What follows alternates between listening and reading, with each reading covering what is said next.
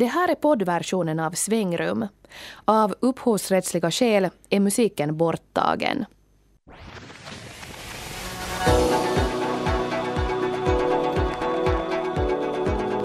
En gång brottsling, alltid brottsling. Är det så? Idag handlar Svängrum om brott och straff.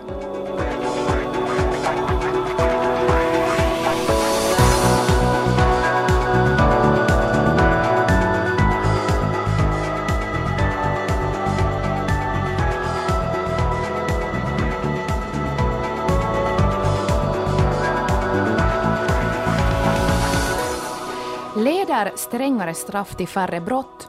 Gör högre fängelsemurar samhället säkrare? Och vad är egentligen poängen med straff?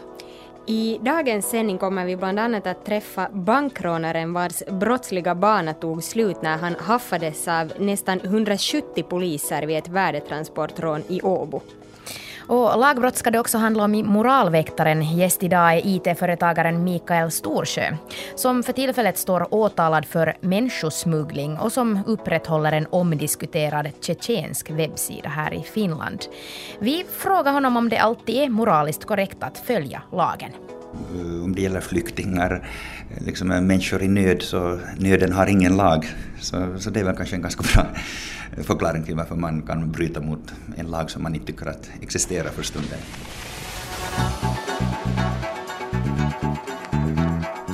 Och vi som sitter här i svängrumsstudion är Jana Nett-Marie Forsström, Linda Grönqvist och Kira Schröder.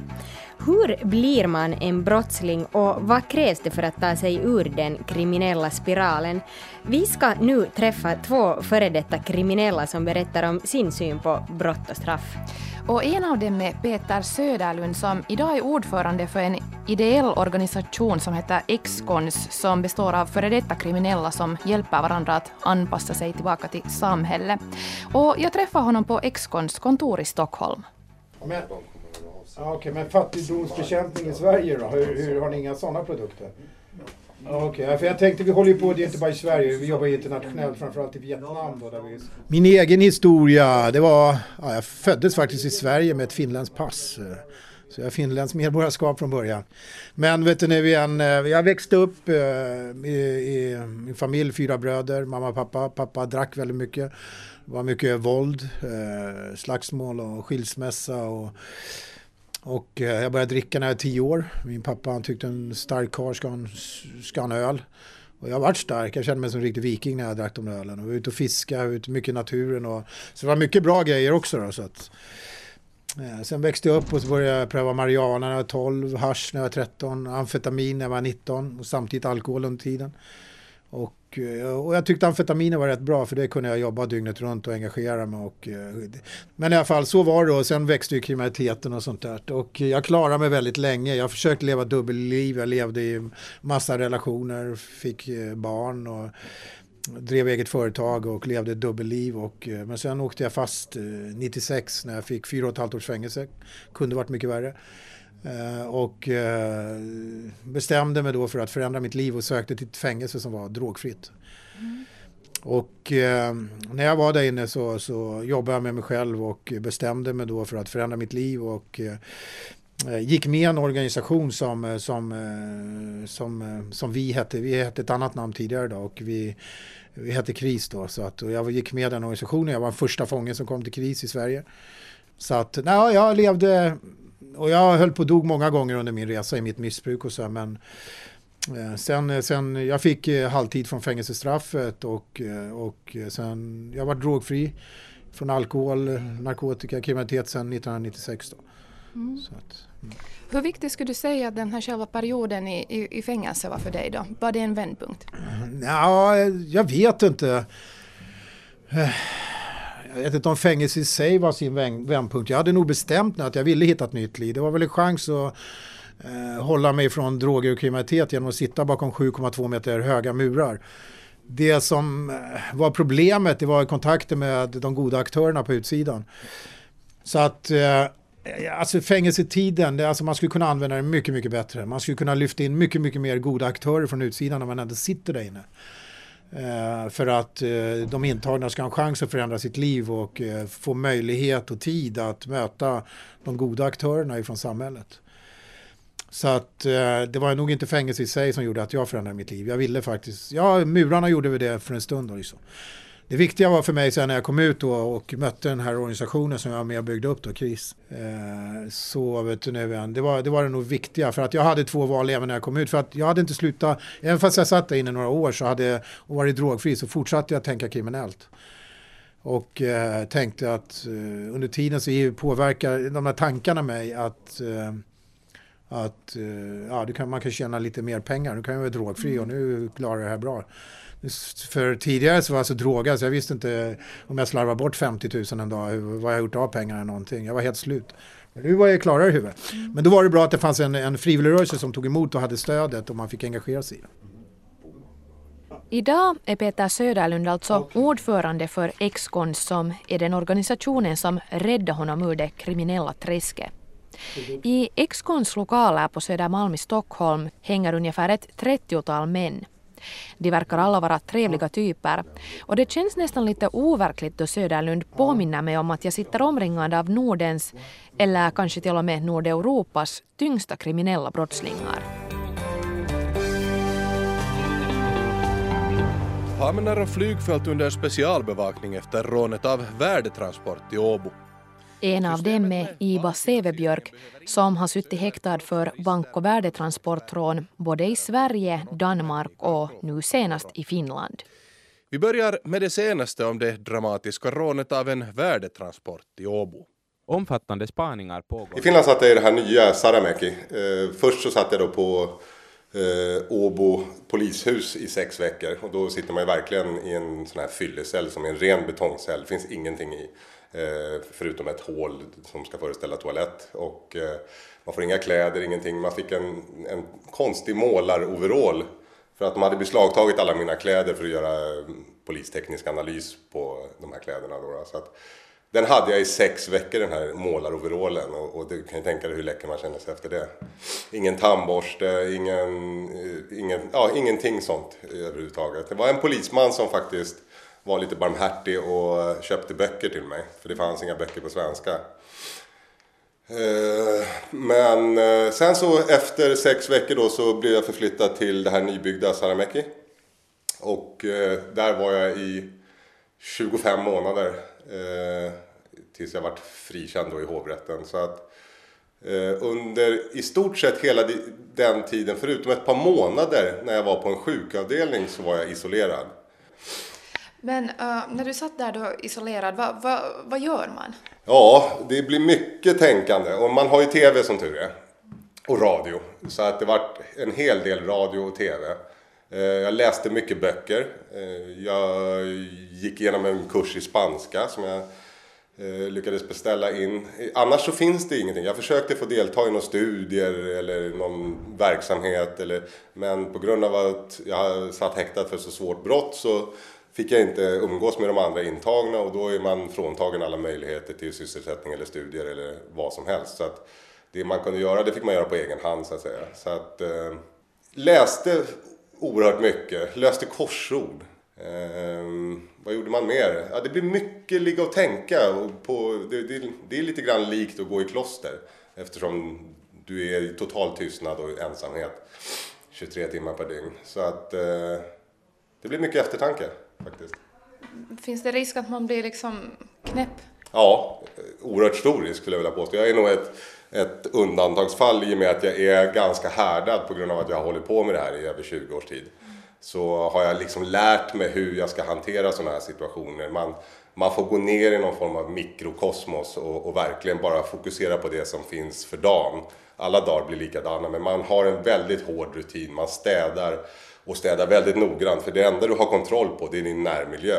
Så den håller man verkligen tipptopp. Man har väldigt, det är väldigt viktigt att man sköter sin hygien, att man duschar, man städar, man tvättar, man är liksom, sköter sig som en riktig människa. För tappar man det, då tappar man allt.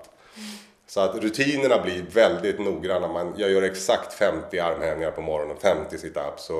Eh, man fyller påsar med vatten och kan ha som styrketräningsredskap och, och har en rullande rutin som fungerar väldigt bra. Då. Och så, så, att, ja, det blir så. Man gnetar på. No, för dig själv, var kom det liksom någon sån här brytningspunkt att du ville ändra ditt liv? Det var, det, var, det var många faktorer som spelade in faktiskt. Dels att jag faktiskt fick så pass lång tid att tänka efter. Och sen så hade jag då, jag har en dotter som är sex år gammal idag och hon har ju inte sett mig halva sitt liv. Och det var väl den, den tyngst vägande faktorn att jag faktiskt fick välja om jag skulle fortsätta med det jag höll på med och riskera att hamna i fängelse igen eller faktiskt dö som, som det kan gå i det här fallet. Så, eller att faktiskt göra något annat och få ha en kontakt med min dotter. Så att, eh, den, dessutom så är jag över 40 år nu och tycker väl kanske inte att det är lika roligt längre att springa omkring och vara busig. Så att, eh, det var många faktorer som spelade in som gjorde att jag tog det här klivet att, att kliva av från den karriären helt enkelt. Och sen så, man ska inte sticka under stolen med att det är betydligt svårare att begå den typen av brottslighet som jag gjorde.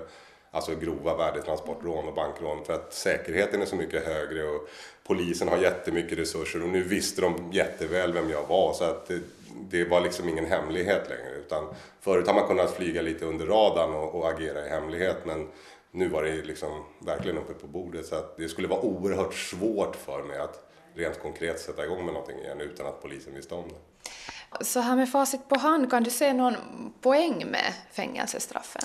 Alltså det, det, det är så att jag förstår ju att, och, och, speciellt individer som jag som sysslade med väldigt grov organiserad brottslighet, där finns det inget annat än fängelsestraff. Poängen är dock att fängelsestraffet måste fyllas med ett innehåll. För annars måste man ha livstidsstraff på alla. För att då är man mycket farligare när man kommer ut än vad man var när man kom in.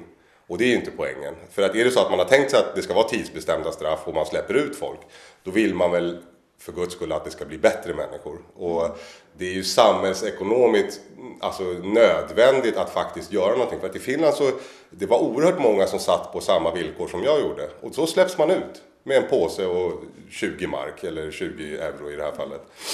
Och det har liksom inte hänt någonting under resans gång. Det finns ingen planering, det finns inget innehåll, det finns ingen drogbehandling, det finns inget, inga program, ingen terapi, ingenting överhuvudtaget. Så att då har man ju brutit ner något som var redan dåligt från början och sen ska det liksom utsättas för samhället och då kan ju vem som helst förstå att det blir galet igen. Så jag, jag, kan tänka mig bara, jag vet inte, jag har inga siffror på det, men jag tror att återfallsfrekvensen i Finland är oerhört hög på de som väl har hamnat i fängelsesystemet. Jag kan inte tänka mig annat. Organisationen Excons största uppgift är att hjälpa före detta kriminella att hitta tillbaka till en hederlig vardag. Någonting som inte är alldeles enkelt enligt Peter Söderlund. Eh, många av oss som har suttit i fängelse tidigare har ju levt i en, i en kultur, många har ju levt i den kulturen som vi var små att leva med eh, droger och kriminalitet så att eh, vi anpassade oss ganska snabbt till den, Eh, den liksom eh, delen av samhället. Men om man vill eh, komma tillbaka till samhället till, till vanliga Svensson i Sverige så, så, så krävs det ju lite att man börjar eh, arbeta med sina tankar. Framförallt om man har varit kriminell och missbrukare sedan uh, unga år så, så är ju kriminalitet, uh, den kriminella världen kanske mer vanlig än att tänka som en vanlig svensson. Så att man måste börja jobba med nya synsätt på samhället, nya synsätt på sina medmänniskor, på sig själv och, och uh, ja, försöka hitta de goda krafter i samhället som kan hjälpa en att komma tillbaka. Om du tänker tillbaka på ditt liv, ångrar du hur det har sett ut? Jag ångrar ingenting i mitt liv. Jag ångrar inte ens de svåraste stunderna. Eh, utan jag accepterar och det var mitt liv och jag får lära mig leva med det. Jag tror inte man ska gå runt och ångra för mycket utan för då får man för mycket ångest. Eh, jag tror att det är viktigt att se, använda sitt tidigare liv och de svårigheter som har varit till en eh, kunskap för framtiden och kunna hjälpa sig själv och hjälpa andra framåt. Liksom. Iba Sevebjörk är inne på samma linje. Idag jobbar han som ungdomscoach på Excons. Ja, alltså det är ganska enkelt. Jag, jag, försöker hela tiden agera utifrån att hur var jag själv när jag var 20 år? Vad hade jag behövt för typ av kille som kom och snackade med mig för att jag skulle komma på andra tankar? Och då måste det vara liksom eh, någon, en, en, ganska stark förebild som, som, som har gjort samma saker som jag själv var intresserad av men som har faktiskt kommit på att det är inte så jävla bra. Utan det finns annat som är mycket bättre och som, som leder till ett bättre, större och värdigare liv. Och hade jag träffat på mig själv med den insikten jag har idag, när jag var 20 år, då kanske jag hade sluppit den här karriären som jag haft i 20 år med drygt tio år i fängelse och så vidare. Och det har inte alltid varit kul. Naturligtvis har det funnits massa roliga grejer också, att räkna miljoner och fara utomlands och alltihopa. Men det finns alltid en baksida och den lär man känna nu när man är lite äldre. Men den ser man ju inte när man är sådär ung. Och då, då tror jag att det kan vara jättenyttigt att det kommer in en kille som faktiskt har gjort det här.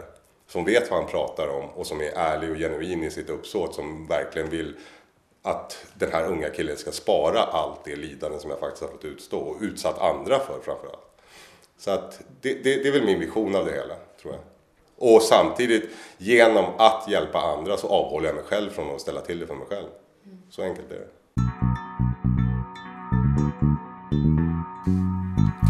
Det är ju smått fascinerande det här när man lyssnar på de här grova brottslingarna som berättar om hur de har begått sina brott precis som om de skulle ha ta en tur via det lokala snabbköpet. Jag som, som lever i en sån här bomullsvärderad värld så, så har ju aldrig haft kontakt med några grova brottslingar så det bara mm, man har ju inte liksom hört deras personliga historia på det här sättet förr. Ja, det var nog spännande att, att träffa dem också sådär ansikte mot ansikte. Att först var jag också lite nervös för att vad, vad är det för människor jag ska träffa, men de var ju faktiskt, alla var jättesnälla och trevliga. Sen tyckte jag var spännande det här, den här Peter Söderlund som då var före detta missbrukare också, så uh, han sa ju här att han inte ångrar någonting han har gjort. Och på sätt och vis är det här väl en ganska bra livsinställning, alltså så här att man liksom inte ångrar någonting, man kan gå vidare och, och som han sa att man får ångest om man, om man börjar tänka för mycket på vad man har gjort. Men samtidigt tror jag nog att ganska många ändå tänker att, att brottslingar på något sätt borde ångra sig och så att säga sona sina brott. Mm. Ja, och också den här andra killen, äh, bankrånaren Iba, han lät ju kanske nästan lite provocerande för att det lät lite som att det har varit ett stort äventyr och något ganska kul, det, det här som ändå har varit verkligt grova brott. Men sen å andra sidan så är det ju också ganska fint att han kan vara så ärlig när han talar om det och sen unnar man ju honom nog ändå definitivt hans, hans nya framtid nu. Men eh, hur ser brottsläget ut på ett större plan i Finland och hur många fångar har vi och en hurdan fångpolitik? Vi har frågat chefen för det europeiska kriminalinstitutet, Kauko Aroma, som ser en rätt så paradoxal trend som löper över det senaste halvseklet ungefär. Så om vi ser på sista, ska vi säga 50 åren så, så är det ju en mycket markant ökning av brottslighet, åtminstone vad man känner till, samtidigt med en markant nedgång av eh, fångtalet, vilket enligt en allmän uppfattning betyder att brottslighetsnivån och förändringar inte har mycket med fångtalsförändringar att göra. Professor Kauko Aroma, som är chef för det europeiska kriminalpolitiska institutet, säger alltså att trots att brottsligheten har ökat så sitter färre människor i fängelse än tidigare. Hur går det ihop? Enligt Aroma är det delvis ett resultat av en aktiv kriminalpolitik som inleddes på 60-talet, då Finland hade väldigt många fångar, alltså ett stort så kallat fångtal i jämförelse med övriga Europa. Man analyserade statistiskt vem som satt i fängelserna och vad man kunde göra för att de skulle bli färre. Alkoholen visade sig spela en stor roll. Ja, det första stora reformen egentligen var det att man avkriminaliserade fylleri på allmän plats. Mm. Vilket verkar absurd idag. Alltså det, var, det var det mest äh, antalsrika brottet i Finland på 60-talet ännu fylleri på, på offentlig plats. Det var 500 000 folk som, som bestraffades med böter för det. Men eftersom de ofta var fattiga och kunde inte betala sina böter åkte de ofta in i fängelse. Så att vi hade en jättestor grupp av folk som, som satt i fängelse på grund av att de hade varit fulla på offentlig plats. Och sen började man också se på att, att är det möjligt att, att eh, släppa folk ut av fängelse lite tidigare, alltså eh, villkorlig frigivning eh, infördes på ett större och större omfång. Allt det här har gjorts eh, utan att brottsligheten har påverkats på något sätt. Inte till det bättre eller inte till det värre. Det, har, det lever sitt eget liv. Så att eh, ungefär 20 olika lagändringar under de här 20 åren så, så behövdes för att komma, komma hit där man nu står. Och var står vi då idag? Jo, i Finland sitter cirka 3500 människor i fängelse och vårt fångtal är ungefär samma som i de övriga nordiska länderna, alltså cirka 70 fångar per 100 000 invånare. Det här är rätt lågt globalt sett, jämfört till exempel med 600 för Ryssland och hela 750 fångar per 100 000 invånare i USA. Goda finländska siffror alltså, men Kauko Aroma är orolig över framtiden för Finlands kriminalpolitik. Nu håller man på att, att eh, gräva botten undan från de här reformerna så att en liten ökning av straffnivån här och en liten ökning av straffnivån där, en liten ökning av polisens befogenheter här och där, vilket alltid betyder att fler folk blir, blir infångade. För det bättre eller det värre, det är en annan fråga. Men alltså, systemet förändras hela tiden för att motverka det här, det här tidigare goda utvecklingen. Mm. men vi, vi hoppas nog att det stannar ännu på en rimlig nivå. Enligt Kauko Aroma leder strängare straff inte till minskad brottslighet. Men om man en gång börjar gå åt det hållet är det svårt att ändra utvecklingen. Om du jämför med, med ska vi säga Finland och Estland. Där du får, I Finland får du för, för enkel stöld bötesstraff och i Estland brukar du åka till fängelse för fem år, så vilket är bättre? Mm. I Estland gör man det därför att man har ärvt det här från Sovjettraditionen. Så man fortsätter göra det därför att systemet brukar göra så.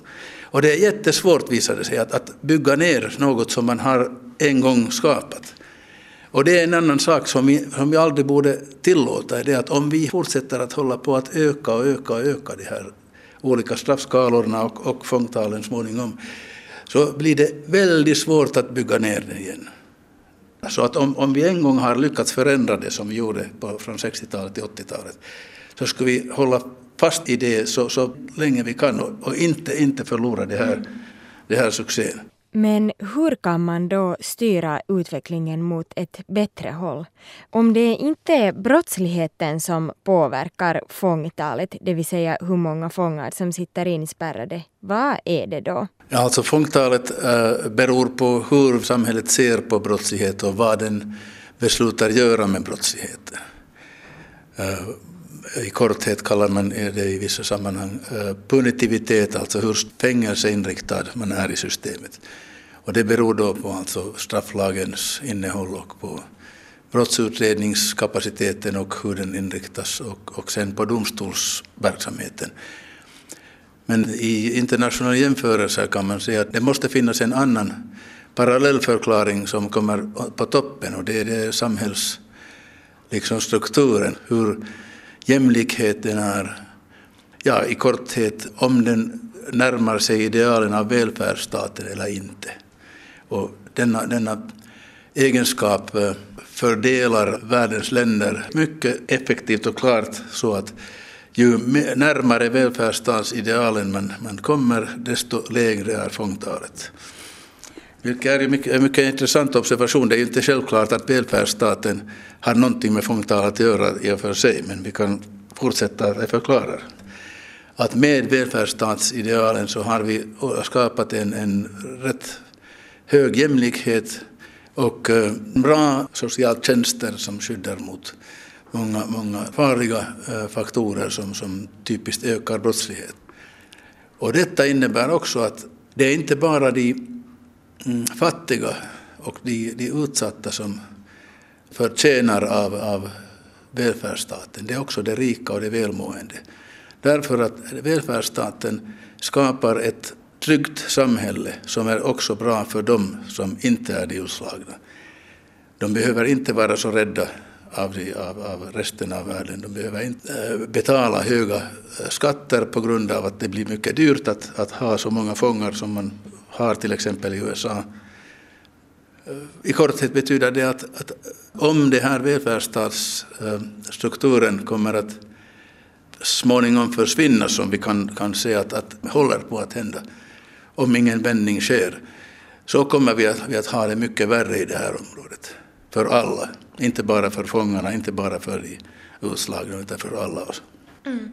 Vad tycker du att vårt nuvarande kriminalvårdssystem, vad, vad säger det om vår människosyn?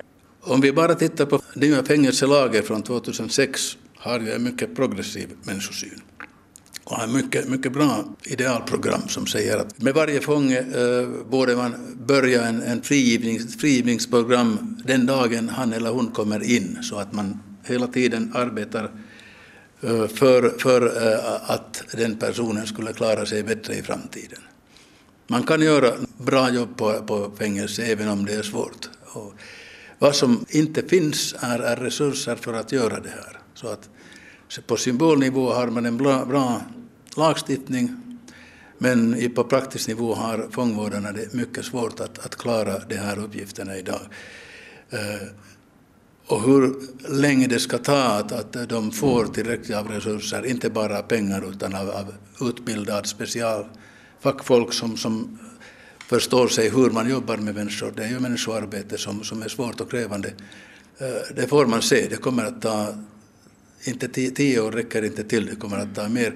I synnerhet om, om staten fortsätter, om det här finanspolitiken fortsätter där man, där man minskar offentliga sektorns uh, finansiering så är det ju absurt att det blir omöjligt att, att fullborda den här vad lagen nu har, har uh, förutsatt. Mm. Om, då, om det händer så betyder det att lagen var bara ett skämt.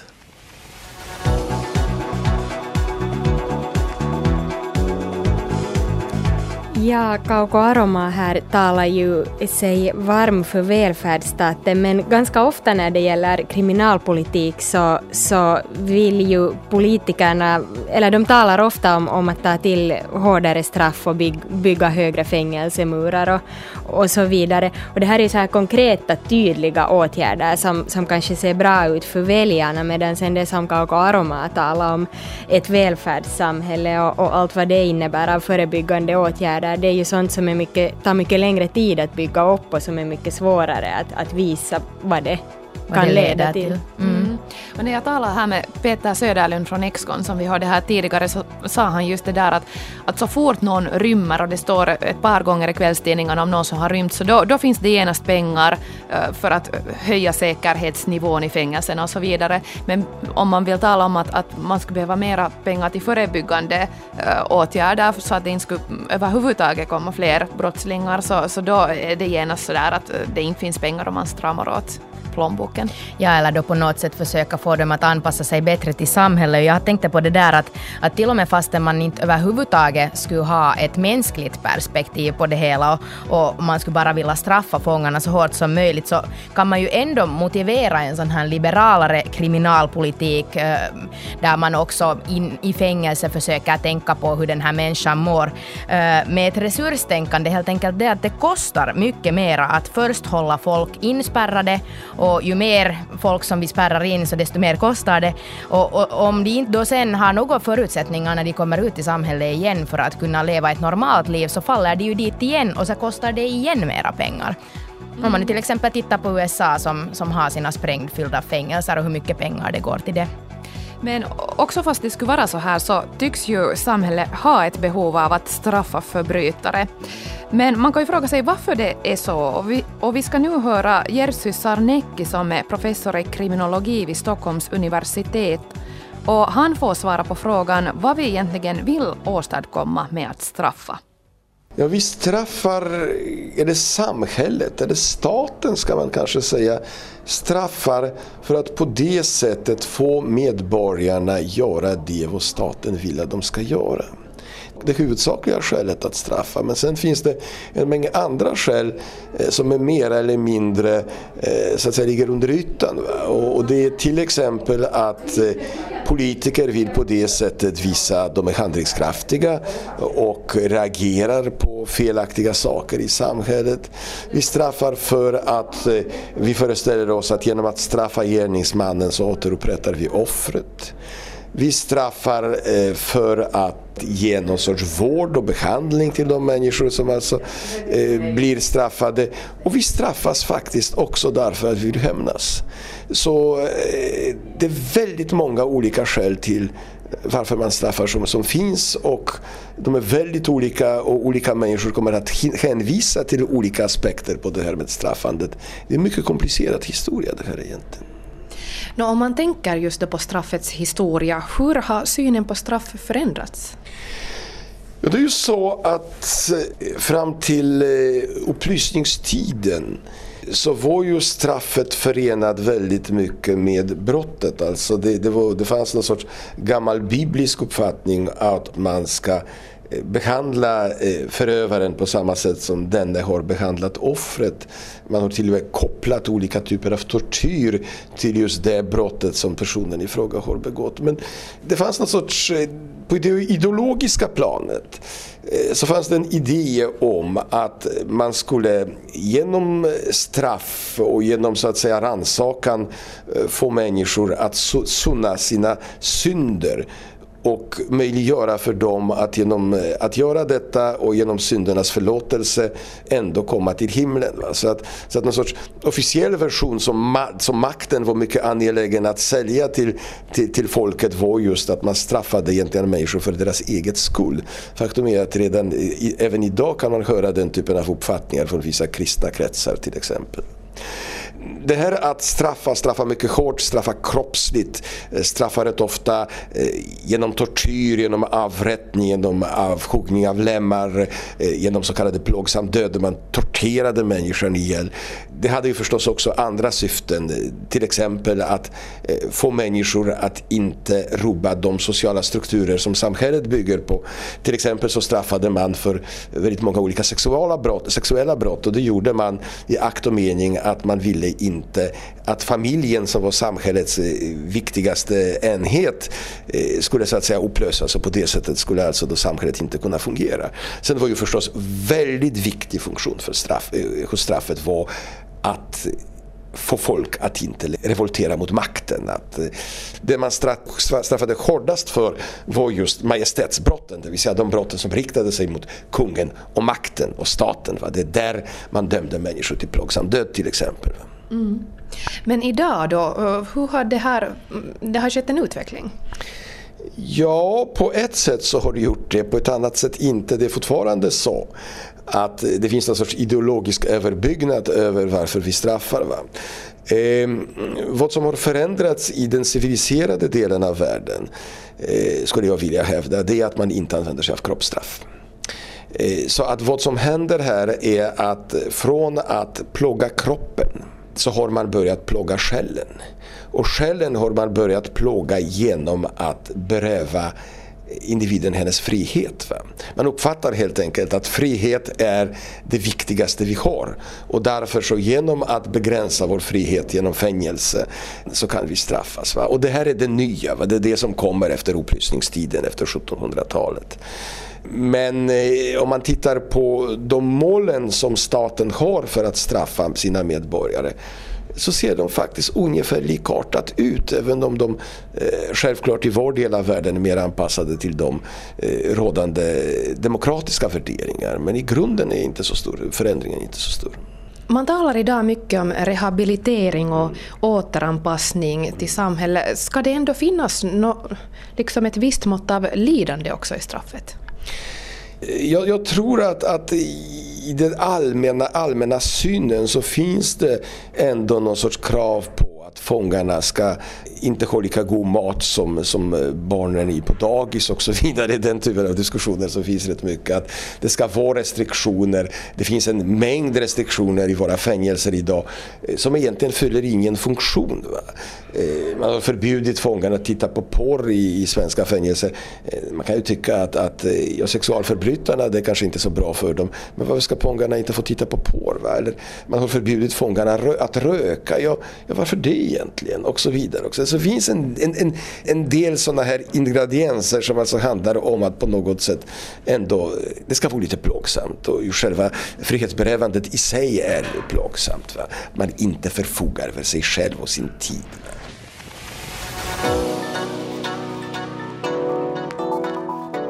Och det sa alltså Jerzy Sarnecki som är professor i kriminologi vid Stockholms universitet. Och det är dags att avsluta den här delen av brott och straff men vi ska fortsätta på samma tema senare i vår. Den här gången hörde vi mest män men vi ska i framtiden då också tala om kvinnor och brott och till exempel om våldtäkter som form av förtryck.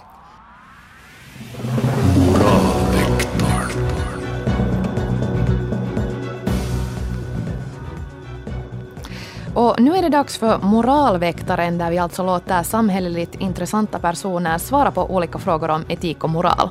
Och de här svaren analyseras sen av vår egen husfilosof eh, som bland annat funderar vad de här värderingarna grundar sig på och hur argumenteringen hänger ihop. Och veckans gäst är IT-företagaren och människorättsaktivisten Mikael Storsjö. Han är bland annat känd för att upprätthålla en kontroversiell webbplats som heter Kavkas Center, där man, där man publicerar nyheter från Tjetjenien och Kaukasien ur ett rebellperspektiv.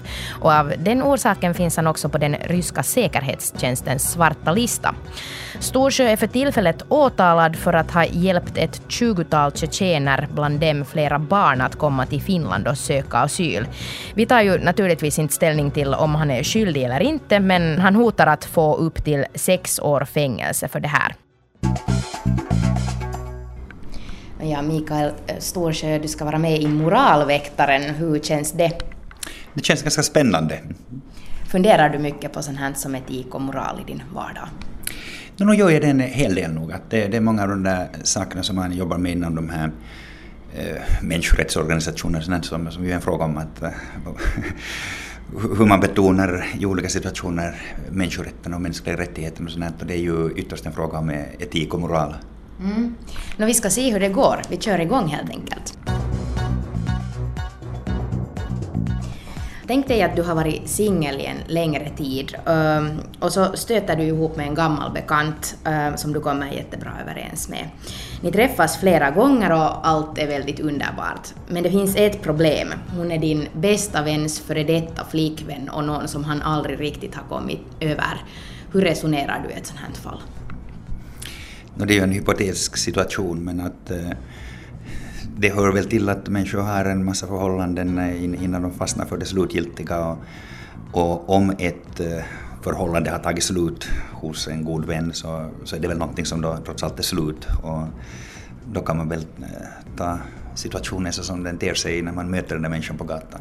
Finns här någon lojalitets, något lojalitetsproblem?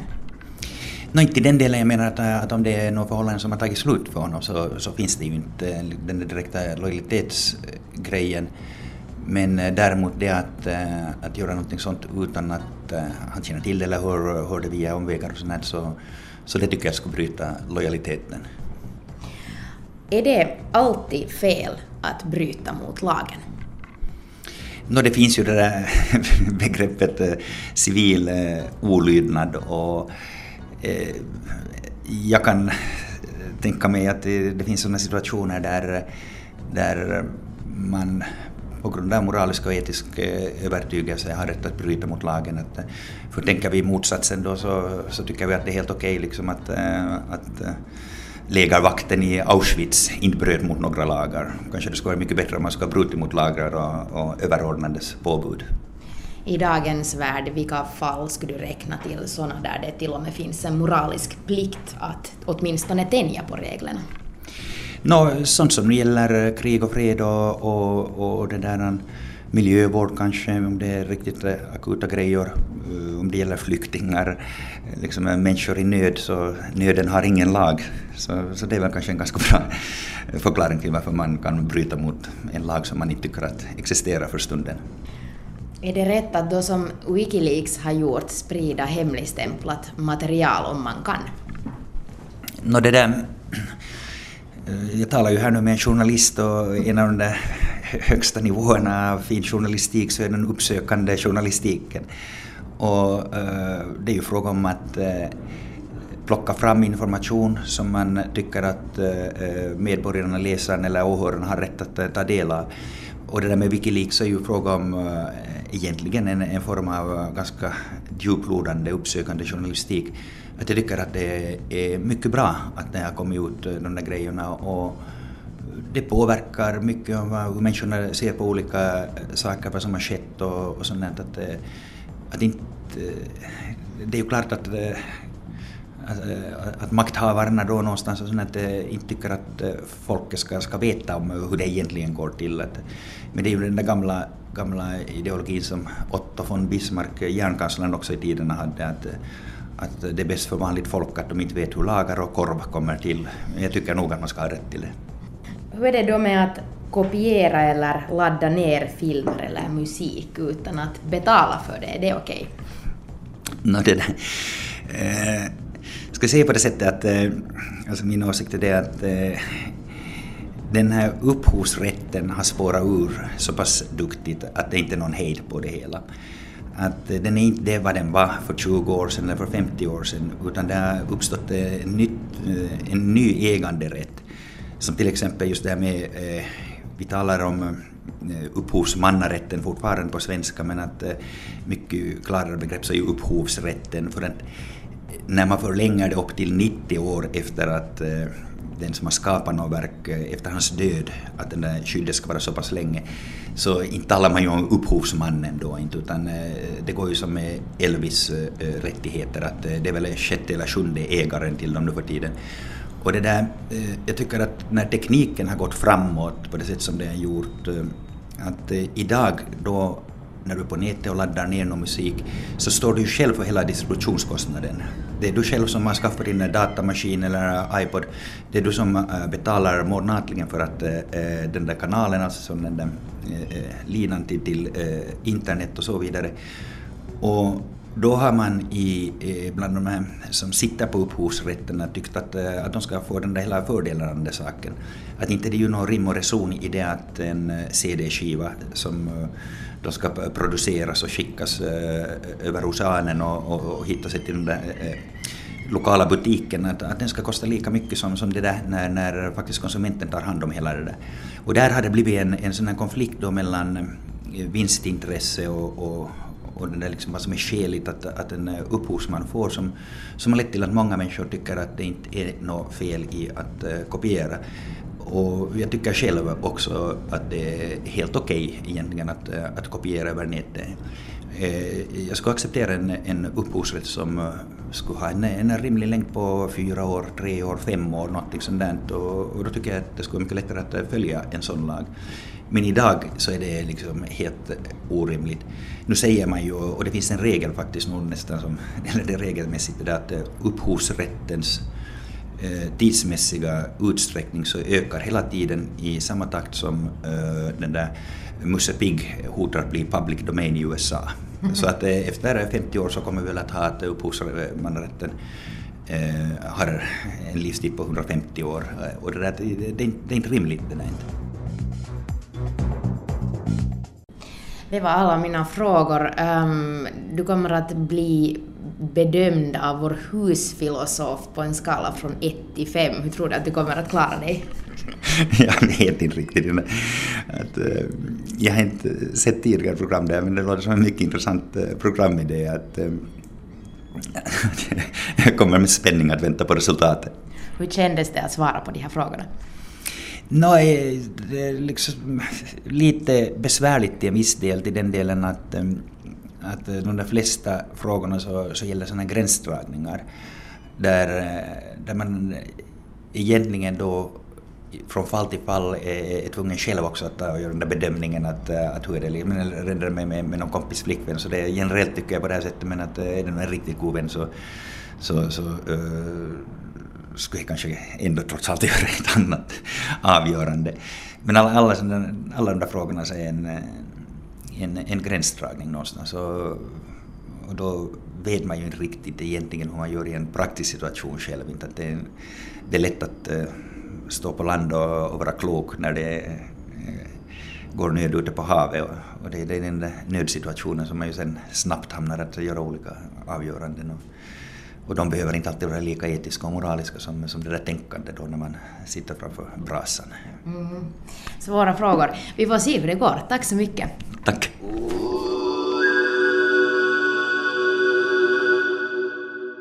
Och nu har vi med oss vår husfilosof Sebastian Bergholm. Sebastian, vad tyckte du om IT-företagaren Mikael Storsjös argumentation? Ja, han hade ju en hel del spännande att säga och jag tänkte kanske ta och börja med det sista som han sa, att moralfrågor på pappret kan skilja sig från hur man faktiskt handlar i någon viss situation av den här anledningen finns det ju också väldigt många olika sätt att förhålla sig till moralfrågor inom filosofin och jag tänkte att vi kan reda ut det där lite. Mm. Det finns ju de filosoferna som vill visa hur en rätt handling ser ut, som tar ställning till vad som är rätt och vad som är fel så här på pappret. Och så finns det också sådana filosofer som vill visa vad olika handlingar betyder, alltså man beskriver olika moralsituationer, visar hur olika begrepp som, säg nu då medmänsklighet eller medlidande eller kärlek kan komma in i den här situationen som ni diskuterar med att tja, hjälpa flyktingar eller hur andra begrepp som plikt eller lydnad eller något sånt kan komma in om man inte hjälper flyktingen. Det här är nu bara exempel på hur de här beskrivningarna kan se ut och, och, och det där ändå viktigt kanske för att beskriva någonting om den här beskrivande filosofins roll, alltså att man på, på det sättet lämnar över beskrivningen åt uh, den som tar del av den och den får sen ta ställning till till hurdan handlingen är, vad den betyder och, och, och du själv orienterar sig moraliskt. Och jag tänkte att det här kan vara helt okej okay att ha i bakhuvudet när man funderar över de här frågorna som, som ni det där diskuterar och, och kanske den fråga som jag direkt tänkte att man skulle gå in på är frågan om moralisk plikt och vad det betyder. Mm. Ja, Storsjö sa ju ungefär så att nöden har ingen lag och, och jag tycker att det här är beskrivande för hur han inte lutar sig tillbaka på etablerade sanningar, på moralsystem eller åsikter. Eh, utan han bedömer istället situationerna för vad de är. Han blir så att säga ansvarig för sin egen beskrivning och han tyckte väl att det var okej okay att bryta mot lagen i vissa situationer och det här och, och ge sen ett exempel om, om den här lägervakten i Auschwitz som kanske borde ha brutit mot lagen med det vill han väl säga att det finns situationer där lagen inte lyckas skydda någonting som vi människor håller som viktigt eller värdefullt. Och han gav exempel människoliv, miljö och andra människors nöd.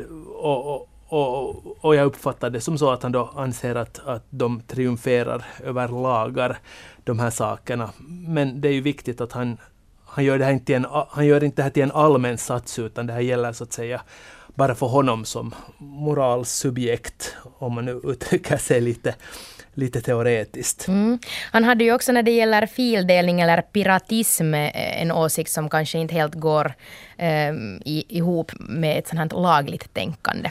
Nej, det finns nog en konsekvens där. Eh, då man ser på hur han förhåller sig till upphovsrättslagstiftningen så ja, ansåg han att den är en mänsklig konstruktion så tolkar jag det. Och man måste i och för sig minnas att alla lagar är mänskliga konstruktioner och sällan givna av Gud eller så här, i alla fall inte i vårt samhälle.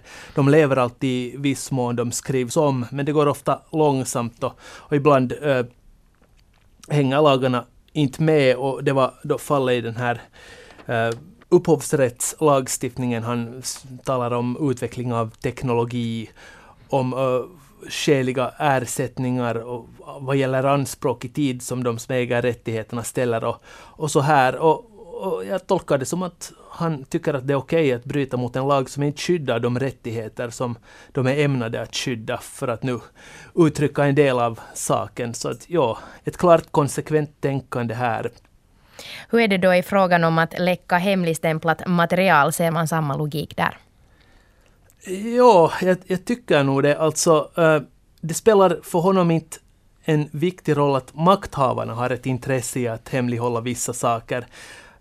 Deras intresse binder inte hans rätt att som medborgare, medborgare få veta saker om hur samhället fungerar eller få information som är viktig för honom att orientera sig i världen.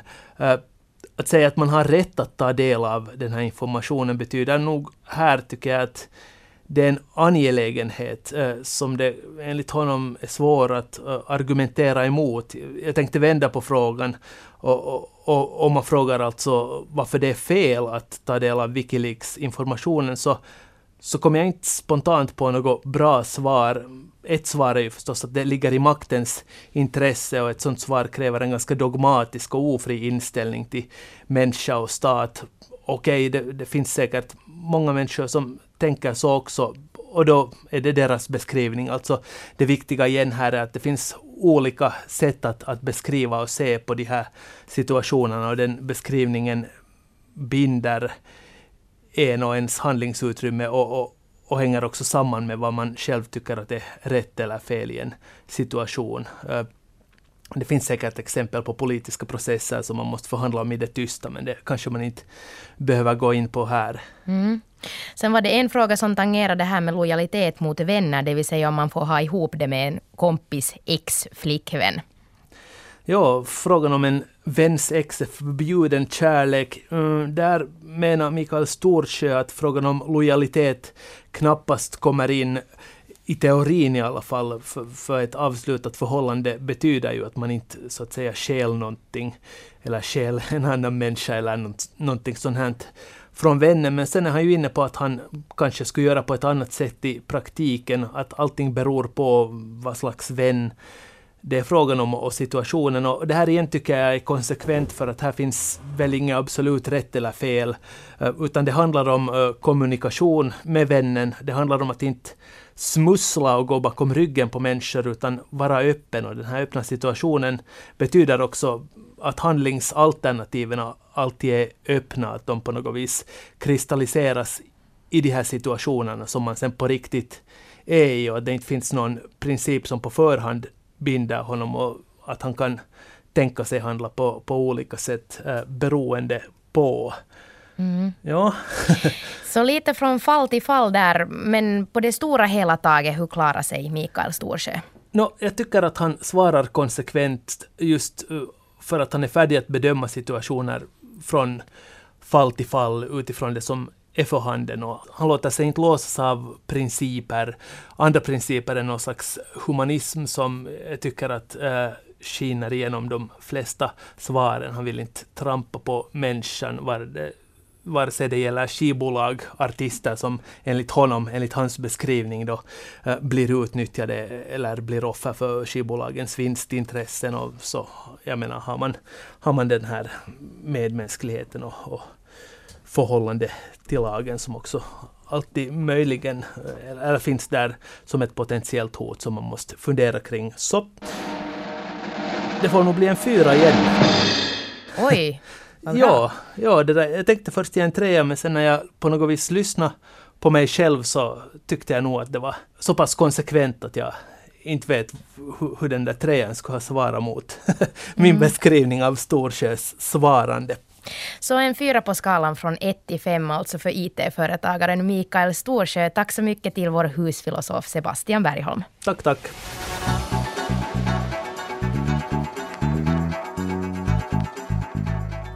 Och om en vecka i svängrum, då är temat islamofobi. Muslimer och islam är ju ett hett diskussionsämne, men väldigt få frågar muslimerna själva. Det här säger människorättsjuristen och politikern Hussein Mohammed från De gröna.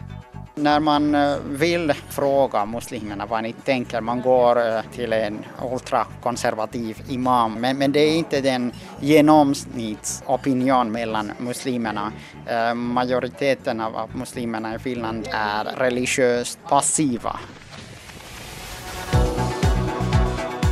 Nu är svängrum slut för den här gången, men glöm inte att gå in på vår blogg på svenska.yle.fi svangrum. Där skriver ju sex stycken bloggare om ja, allt mellan himmel och jord och de har ju olika då, livsåskådningar sinsemellan.